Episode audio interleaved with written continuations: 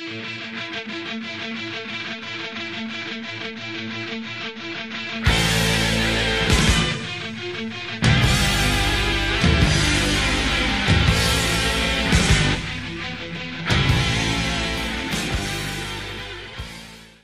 og velkommen til vår podkast 'Psykologi og fremmedspråk'. Den eneste podkasten i verden på 21 språk med tysk aksent. Jeg heter Gerhard Orband.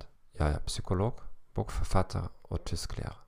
Denne podkasten hjelper deg å forbedre språkferdighetene dine, uansett om du er nybegynner eller profesjonell. Jeg er ikke ekspert på norsk. Du har selvfølgelig allerede forstått dette. Vær tålmodig med meg, men jeg lover at jeg skal bli bedre med hver nye episode. Hvis du har oppdaget denne podkasten akkurat nå, kan du sjekke ut de siste episodene først. Kvaliteten vil være mye bedre enn i det første. Temaet for dagens episode er dette kraften med å bremse.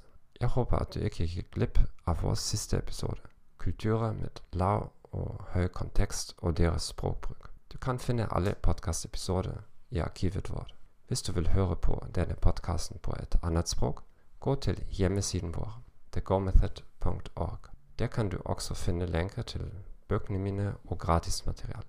Vil du forbedre ditt tysk, bare send meg en e-post slik at du kan skinne på en gratis konsultasjon.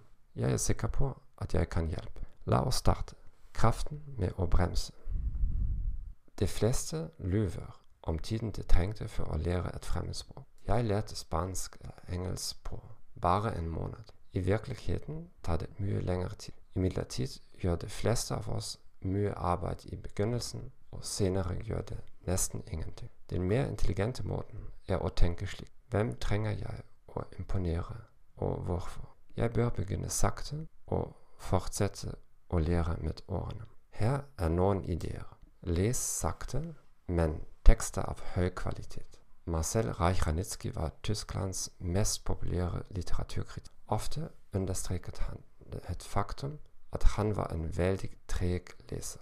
De fleste av oss vil betrakte denne, dette som skammelig. Vi ønsker å kunne lese med lynets hastighet. Se utmerkede videoer i små segmenter. For meg, Shakespeares engelsk er meget vanskelig. Imidlertid ser jeg hver dag på minst ti minutter av et skuespill fra BBC-samlinger. Og les Esops fabel 'Skilpadden og haren'. Dette er en veldig nøyaktig fremstilling av situasjonen for de fleste språkstudenter. Takk for at du har hørt på podkasten vår 'Psykologi og fremmedspråk'. Jeg håper denne informasjonen var nyttig for deg. Abonner på kanalen vår på Apple Podcast, Spotify, Stitcher eller favorittappen din. Vennligst anbefale oss til dine venner og kolleger.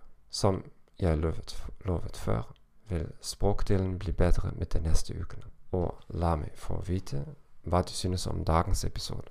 Bare skriv meg en e-post. Fortell meg hvilke spørsmål du har, slik at jeg kan svare på dem i en av de kommende episodene. Jeg ønsker deg en fin dag og farvel.